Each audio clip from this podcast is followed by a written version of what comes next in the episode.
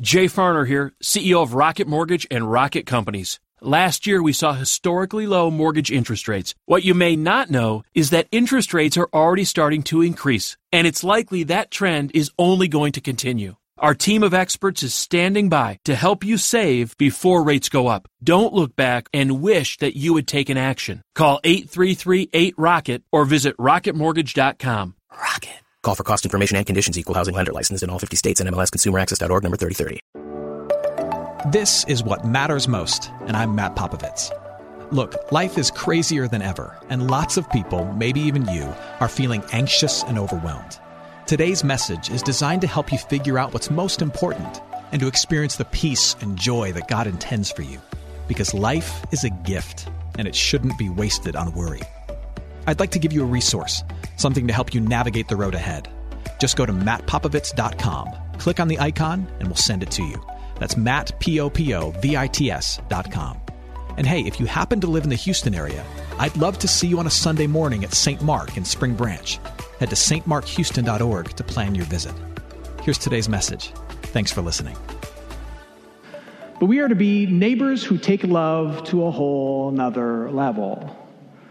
We're to be the kind of neighbors who demonstrate deep love, great sacrifice, constant service, not just to the people we already know, but in particular to the people we don't yet know and who God, through you, wants to get to know.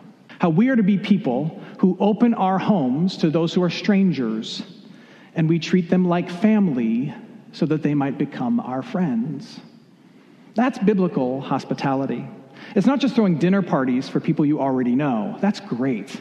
If you have the gift to be Martha Stewart or Joanna Gaines, go for it. but biblical hospitality is something different. It's, it's really three things it is opening up the places in which you live on a day to day basis and inviting strangers in, people who you would say you don't know really well, if at all.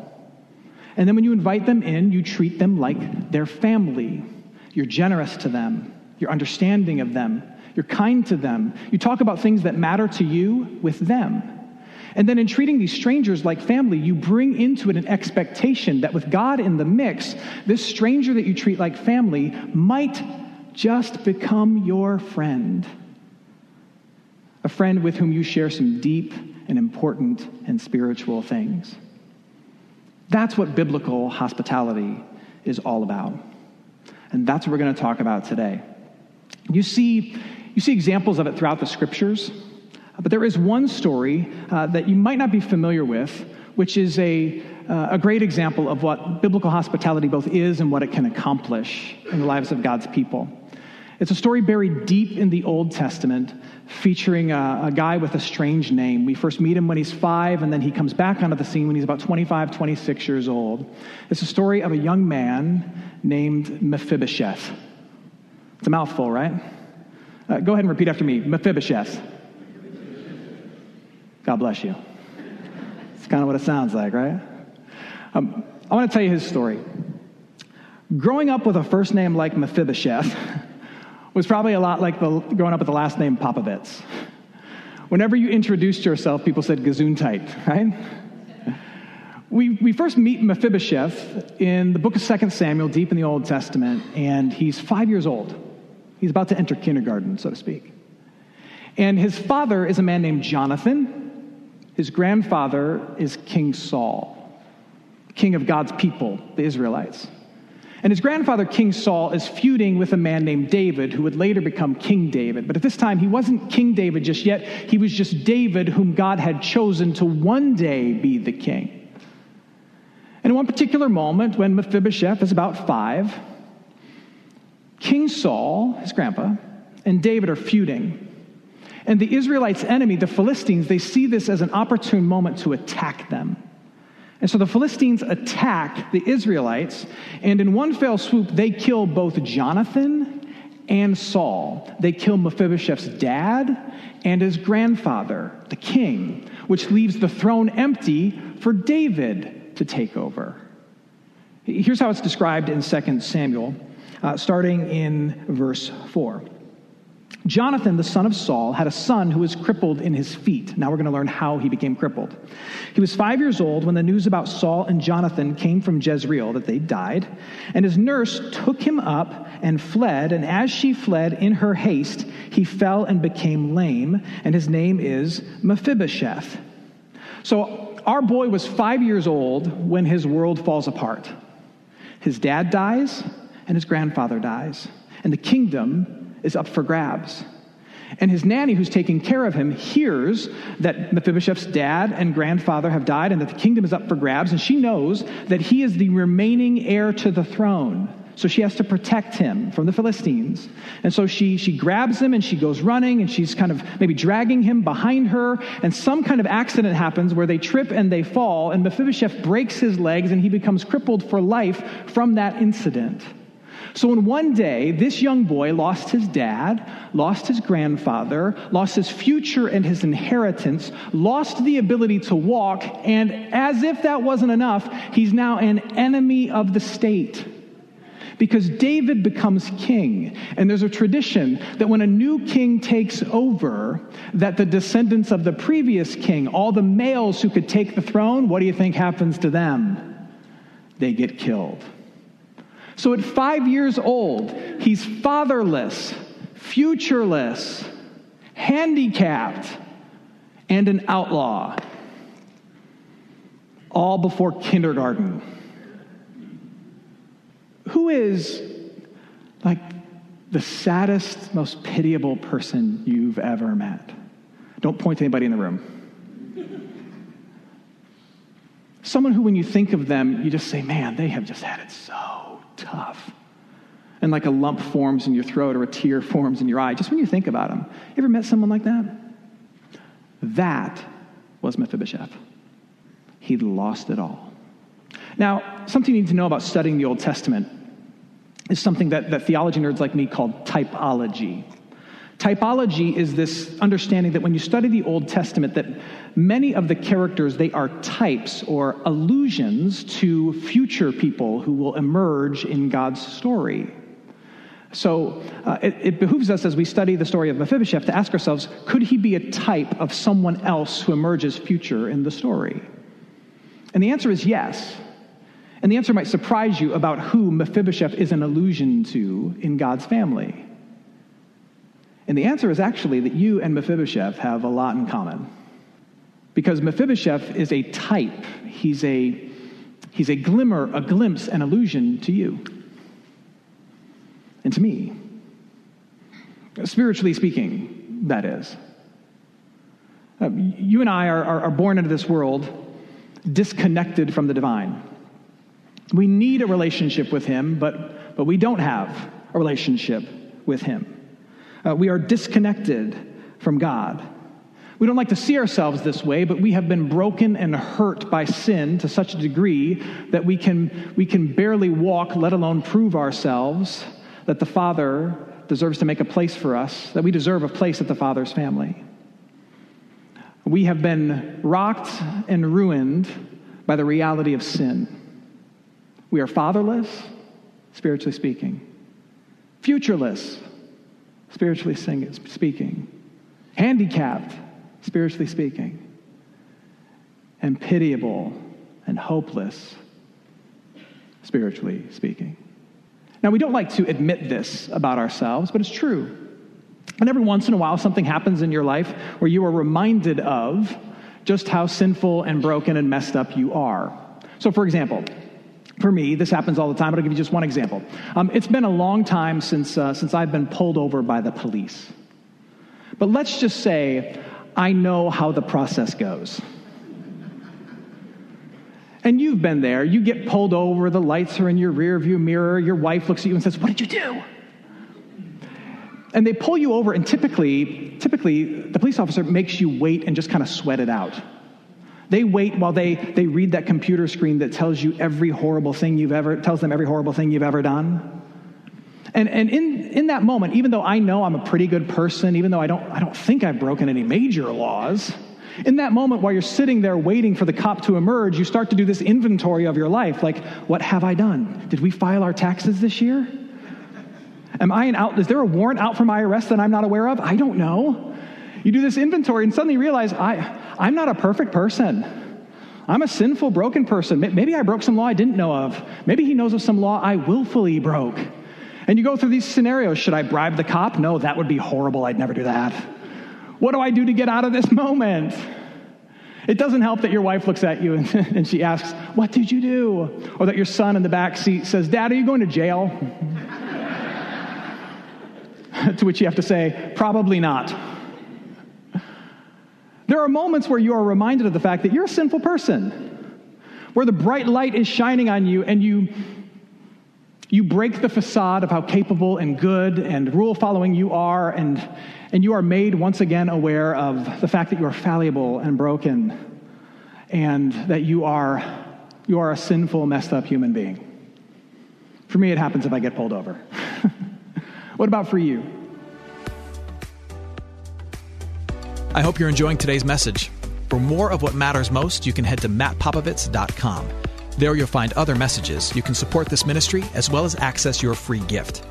Oh, and if you're looking for a local church and you live in Houston, come and see what's happening at St. Mark Houston. To plan your visit, head to stmarkhouston.org. Thanks for listening, and back to today's message. You and I, we are Mephibosheth, so to speak. We are spiritually broken, spiritually fatherless, spiritually without an inheritance and without any hope. We are completely and utterly lost. We are He in this story. Now, continuing the story, fast forward 20 years. And Mephibosheth, who we first meet at five, is about 25 or 26 years old. And David is still on the throne of Israel. He's been king for just over 20 years at this particular point. And at this point, he remembers that he had made a promise to Jonathan, Mephibosheth's father, who happened to be David's childhood friend. He made a promise to Jonathan that he would, he would not destroy any of Jonathan's descendants. And so he starts to wonder what happened to Jonathan's descendants. And so he calls for the descendants to come to him if there's any remaining alive. And he promises that he would not only not destroy them, but he promises actually to go further, he promises to bless them. Here's what happens 2 Samuel, starting at chapter 9 now. David said, Is there anyone still left in the house of Saul that I may show him kindness for Jonathan's sake? Now there was a servant of the house of Saul whose name was Ziba, and they called him to David. Ziba said to the king, There is still a son of Jonathan, he's crippled in his feet. Then King David sent and brought him from the house of Machir, the son of Ammiel, at Lo Debar. And Mephibosheth, the son of Jonathan, son of Saul, came to David and fell on his face and paid homage. And David said, Mephibosheth. And he answered, Behold, I am your servant. Now, when he's called out of hiding and he's found by the king's people, and he's called out of hiding to come and appear before the king, Mephibosheth made one assumption, I'm sure that he was going to die. After all, that's what you did to the heirs of the previous throne. You killed them. And so, as one last ditch effort in his mind to save his life, when he's called before the king, it says that he, he fell face down. He laid prostrate on the floor, face down, to pay homage for the king to show some respect in an effort to maybe have his life spared. So, so, so picture this. It's, it's, it's, a pitiable picture. There's this, this grown man who's dragged before the king, and as he enters the room, he's, he's on crutches of some sort to help him walk, and he kind of walks slowly in front of the king, and then he, he puts the crutches to the side and he slowly lowers himself to the floor and he lays prostrate and begs for his life. And here's what David says David says to him, Do not fear, for I will show you kindness for the sake of your father Jonathan. And I will restore to you all the land of Saul your father. And you shall eat of my table always and Mephibosheth paid homage and said, What is your servant that you should show regard for a dead dog such as I? Verse 11 now. So Mephibosheth ate at David's table like one of the king's sons. And Mephibosheth himself had a young son whose name was Micah. And all who lived in Ziba's house became Mephibosheth's servants. So Mephibosheth lived in Jerusalem, for he ate always at the king's table. Let me say that again. He ate always at the king's table from outlaw to invitee. Now he was lame in both his feet. So King David says, All the land and all the servants that belonged to your grandfather, the former king, I'm going to give them to you because that was your inheritance, had I not taken over the throne. Not only that, I'm going to give you a family. Your family's gone. I'm going to be your family now. And you're going to sit at my table as if you were a son of the king. And you get to enjoy all the spoils. And so, just like that, almost everything is fixed and healed in Mephibosheth's life. I mean, his body is still desperately broken, but now he has a family, he has an inheritance, he has a bright future, and he gets to sit and dine at the king's table as if he's one of the king's sons. And it's all because of the mercy and grace of David the king. David opens up the table where the conversations are had. You've seen Game of Thrones, where the big plans are made. And he treats him as one of his own.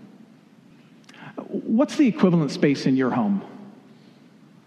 The place where the important conversations are had, where life is lived with the people that matter the most. Is it your dinner table? Uh, maybe, it's, maybe it's the couch while you sit together and you eat something that you're holding in your hands and you watch your favorite TV shows. Or, or maybe it's the neighborhood as you take walks together in the evening and talk about your day. Where is the place in your life where, if there's someone there with you enjoying that table or watching that show or on that walk, they're probably family to you because they're close to you? Where is that spot or that place in your home? That's the spot that David opened to Mephibosheth. Now, if Mephibosheth is a type, a glimmer, a glimpse of you and I in our spiritual state, then, then David is a glimpse and a glimmer of who? Of Christ. Yeah.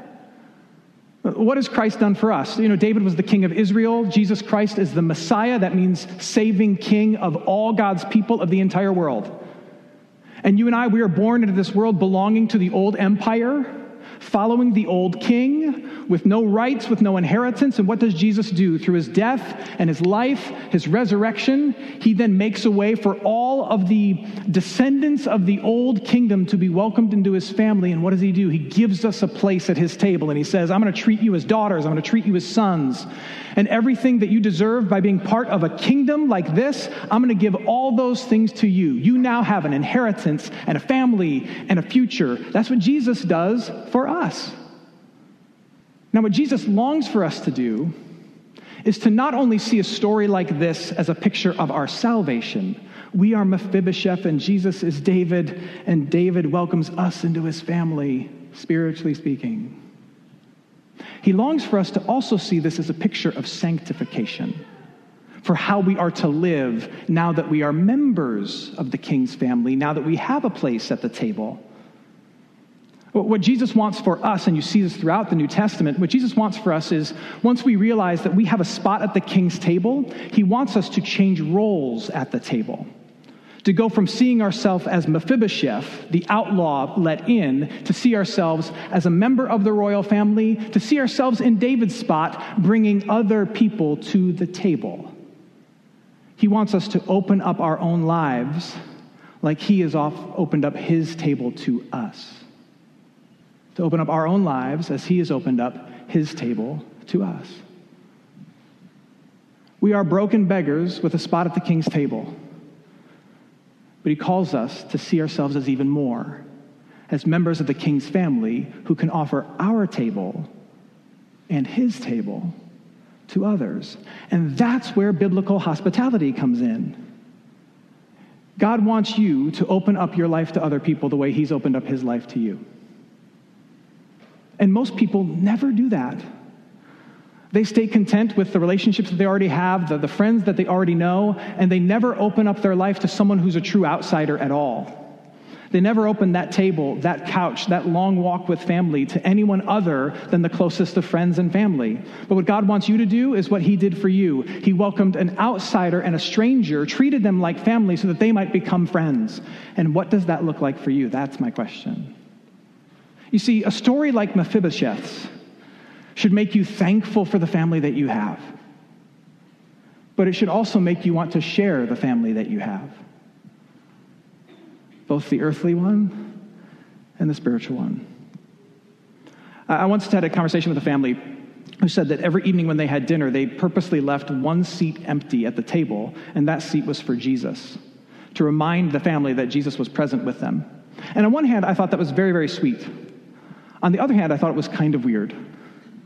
It reminded me of when my little brother had an imaginary friend, and it was like, oh, you can't sit there. Why? You'll crush the Lord. Here's what I think I, I don't think Jesus would necessarily want you to leave an empty seat for him. I think he wants you to fill an empty seat that's at your table with somebody who doesn't know you and who probably doesn't know him. That's what he wants you to do. That's the best way to honor his presence. So here's the question I want you wrestling with as you go home later today. I want you, as a family, to wrestle with this question Who do we know that would be blessed by being welcomed at our table? Who is new to our neighborhood? Who is struggling at work?